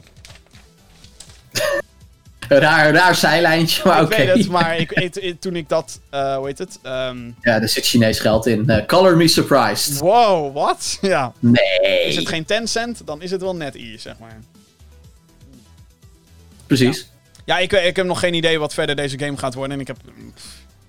En, eh, ik ook niet. Eh, het, het zal. eh, ja, we zullen er ongetwijfeld in de loop van de tijd, van de tijd meer van gaan zien. Ja, Maar ja, hij heeft in ieder geval flink wat, wat opgehaald. Dat, dat lijkt me duidelijk. En hij weet van wanten als het aankomt op open world games. dat wel. Ja, dat zou je Want denken. hij stond ook aan de wieg van GTA 3. Ja. Oké, nou, ehm, dan moet ik weer even een muziekje instarten. Een hele bekende.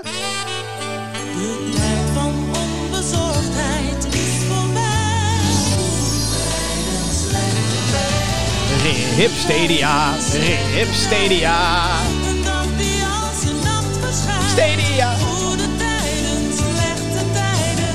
Soms geluk, Maar heel vaak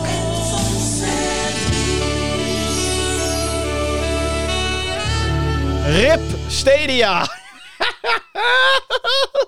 Ik moet dat toch eens opzoeken. Ik hoor jullie daar heel vaak over, maar ik weet eigenlijk niet wat dat is. Oh, Stadia. Sta- je weet niet wat Stadia is. Oké, mooi.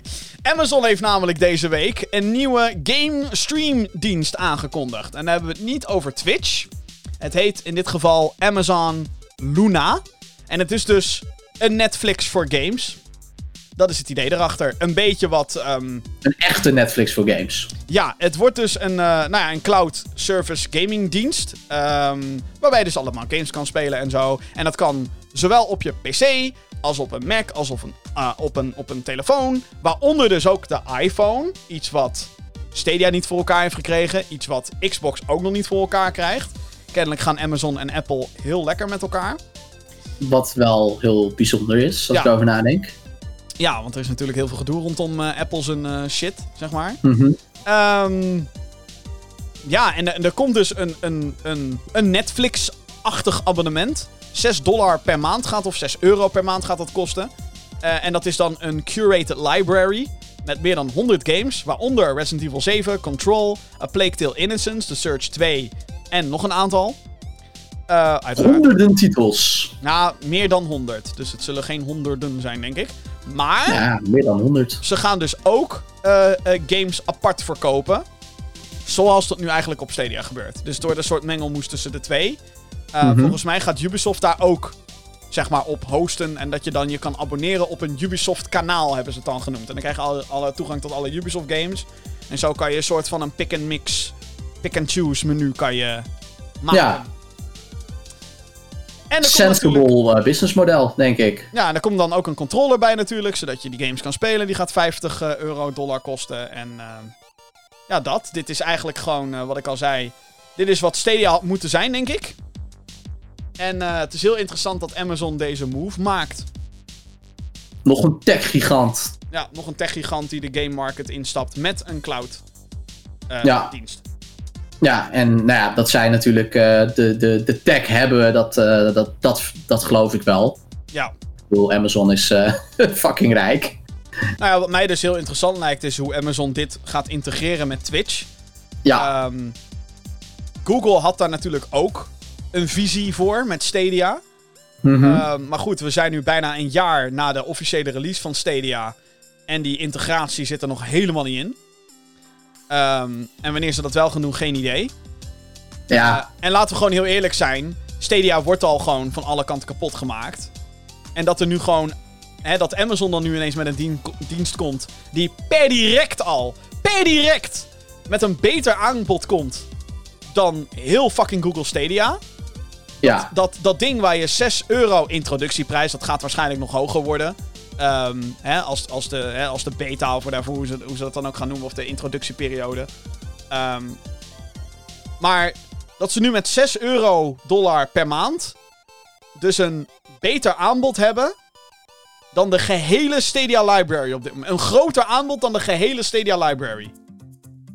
Ja, het is, eh, het is fucking schandalig, toch? Ik bedoel, dat laat wel zien hoe, hoe je zeg maar als, als Google eh, gewoon niet, niet alleen de bal hebt laten vallen, maar gewoon de bal helemaal kwijt bent. Ja. Weet je, als je de bal laat vallen, ligt hij nog bij je voeten, maar hier is de bal gewoon weg. En ik, ik Gewoon weg. moet heel eerlijk bekennen, ik vind het heel leuk om Google Stadia te bashen. Vind ik gewoon leuk. Ja, is ze gewoon hebben een er ook een boksbal. zootje van gemaakt. de boksbal van gaming is het gewoon. Gewoon, jullie hebben alles verneukt. Echt letterlijk alles. En dat inderdaad een van de grootste techbedrijven ter aarde dat voor elkaar krijgt, vind ik heel knap. Ehm, we, hebben, we hebben het er ook al over gehad in de Gamer Geeks app deze week. En ehm, ja, toen, toen, toen ge- gewoon de verbazing gewoon. Hoe zit daar nou niemand die zeg maar goed kijkt naar wat de concurrentie doet en denkt, goh, misschien is dat de reden waarom niemand cared om Stadia. Letterlijk niemand. Wie de fuck speelt er Stadia? Serieus, wie? Nee, niet Nintendo wie? Wie speelt er Stadia? Ik denk dat er meer mensen inderdaad nog op de Wii spelen dan mensen Stadia hebben. Dat denk ik echt. Dat, dat denk ik ook oprecht, ja. dat denk ik ook. Jezus. Ja, nee, ik snap het ook niet. Maar ja, Amazon Luna klinkt, eh, klinkt fucking interessant. Eh, zeker natuurlijk eh, ook met oog op eh, eh, Twitch-integratie. Ja. Wat natuurlijk eh, een belangrijk eh, pijler gaat zijn eh, voor, voor Amazon. Alhoewel ik wel moet zeggen dat Amazon zich nog wel op gaminggebied, naast Twitch, nog wel een beetje moet bewijzen. Want ze hebben natuurlijk ook hun eigen uitgever gestart.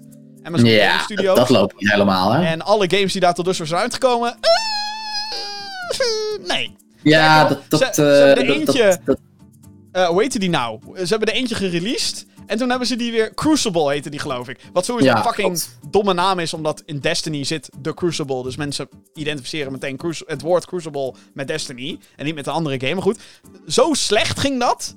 Die game hadden ze gereleased. En toen weer terug naar close beta geflikkerd of zo. Het was echt niet. Gedeleased.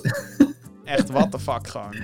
Ongelooflijk. En ze komen Maar goed, ja, Am- Amazon kan dat gewoon doen. Want eh, ja, eh, Jeff Bezos, eh doekoe zat. Ja, klopt, ja. Wel heel interessant in ieder geval. Ik weet niet of Een dit, hele interessante ontwikkeling. of dit de clouddienst gaat worden, maar je, je weet het maar nooit natuurlijk. Dus Er is in ieder geval weer eentje bij. ja. nou ja, het is, het- er is er weer eentje bij die nu al beter is dan Google Stadia. Ja, Gewoon Phil Harrison, hou maar gewoon op. Neem gewoon ontslag, jongen. Hou gewoon op. ga Stap, met pensioen. Stap uit die industrie. stap alsjeblieft uit de gaming-industrie, Phil Harrison. Hij is de guy die Google Stadia runt in principe. Weet je wat hij nog meer heeft gerund? De PlayStation 3 in zijn launchperiode. Dat ging goed. De Xbox One in zijn launchperiode.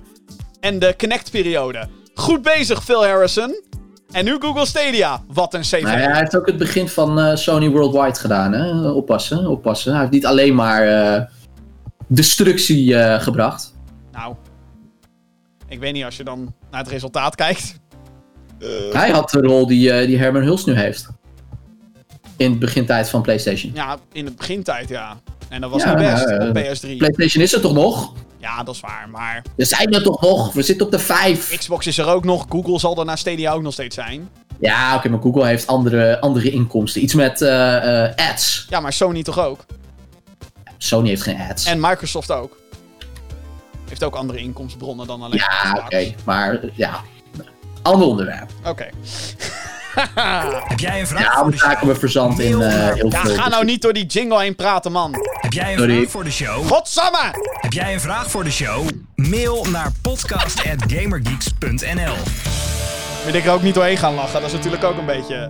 Dat, dat had ik ook kunnen zeggen hoor. Ja, precies. Nou, dat moet je ook gewoon doen. Anyway, podcast.gaminggeeks.nl. Wat is er allemaal gemaild? We hebben een mailtje van Stan. Hallo Jim en Medegeek. Ik ben begonnen met muziekproductie en ik heb daarvoor een nieuwe PC gekocht. Omdat dat ding best krachtig moet zijn, heb ik maar gelijk een game PC gekocht. Eigenlijk zijn... Whatever. Ehm, meestal zijn PC's voor content creator doeleinden krachtiger dan een standaard game PC. Maar goed, whatever. Eh, omdat ik een PS4 heb, heb ik PC gaming nooit echt bijgehouden. Hebben jullie tips voor mij voor PC games die ik nu moet gaan checken? Ik speel voornamelijk singleplayer spellen. Bedankt jongens. Groetjes van Stan. Specifieke singleplayer games voor PC? Horizon Zero Dawn op PC. Ik vind, ik vind dat een hele moeilijke vraag. Eh, nou, Horizon Zero Dawn op PC. Gewoon alles wat je op PS4 kon spelen en ook op PC, zou ik nu op PC gaan spelen. Ja, oké, maar je kan ook gewoon PlayStation Now en dan kun je het ook op je PC spelen. Ja, maar dan haal je de Eh, kracht niet uit die play, eh, eh, PC. Play, play, PC. PC. Ja, omdat het streaming is, bedoel je? ja. Ja. Dus, ja. Ehm, Draait die game inmiddels een beetje, dat eh, Horizon Zero Dawn op PC? Want het was hebben- natuurlijk geen eh, vlekkeloze release. ze hebben wel een aantal patches uitgebracht die allerlei eh, crash issues heeft, zou hebben opgelost, ja. Oké. Dus dat, het schijnt dat ze dat wel echt actief gefixt hebben. Ik heb zoiets van, had het een maandje uitgesteld, dan hadden we het negatieve Ja, gezeik niet ik wou net zeggen, het geld is al verdiend op, op Horizon, dus ja. Jammer. Ehm, ja, wat nog meer? Er is zoveel! Welkom in de wereld van PC gaming. Welkom in de Ja, oneindige... je moet ook veel specifieker zijn dan, dan singleplayer games. Want als je, gaat, als je nu zeg maar je Steam opent en je alleen filtert op singleplayer games. ja, weet je, ik bedoel, eh, het einde is zoek. Dus je moet zeggen, ik hou van singleplayer games. Met, met een, weet ik veel wat, eh, een shooter actie. Of, of een adventure. Of, of, of nou, een denk, bepaalde grafische stijl. Eh, denk weet je, ga die- Ori spelen. Ja, nou, Ori is een heel goed voorbeeld. Speel Ori en The Blind Forest en daarna Will of the Wisps. Ehm singleplayer. Bioshock. Ik bedoel, ja, als we dan toch over singleplayer... is wel first-person shooter, maar... Doom Eternal. No shit. Ja, gaat hij weer. Gaat hij Hallo, weer. als je singleplayer, Life is, ja, Life is Strange, dan koop je niet echt een PC voor, als ik heel eerlijk ben. Zo ben ik dan ook. Nee. nee, dat kun je ook op je mobiel spelen. Ja, inderdaad. Ja. Ja, flauw gezegd. Nee, maar volgens mij is dat ook echt zo. Oh, echt? Oh. Life is Strange is volgens mij serieus op mobile eh gereleased toen de tijd. Life is. Strange, wacht. iOS. Ja hoor. Life is Strange in de App Store. Ongelooflijk. Twee singleplayer games eh, waarbij je eigenlijk ook niet de grafische kracht nodig hebt van een eh, game PC, maar die wel heel tof zijn. Limbo en Inside. Nou ja. Nou, Mafia Definitive Edition schijnt wel leuk te zijn, heb ik gehoord. Ehm, GTA 5 heeft een groot singleplayer component. Ja, Eigenlijk, ja ik, vind het, ik vind het een hele moeilijke vraag. Ja. en als je dan echt... Ik, Op, ik weet niet wat je leuk vindt. wat ik in ieder geval als allereerste ga installeren op het moment dat mijn nieuwe PC helemaal in elkaar gezet is en geïnstalleerd...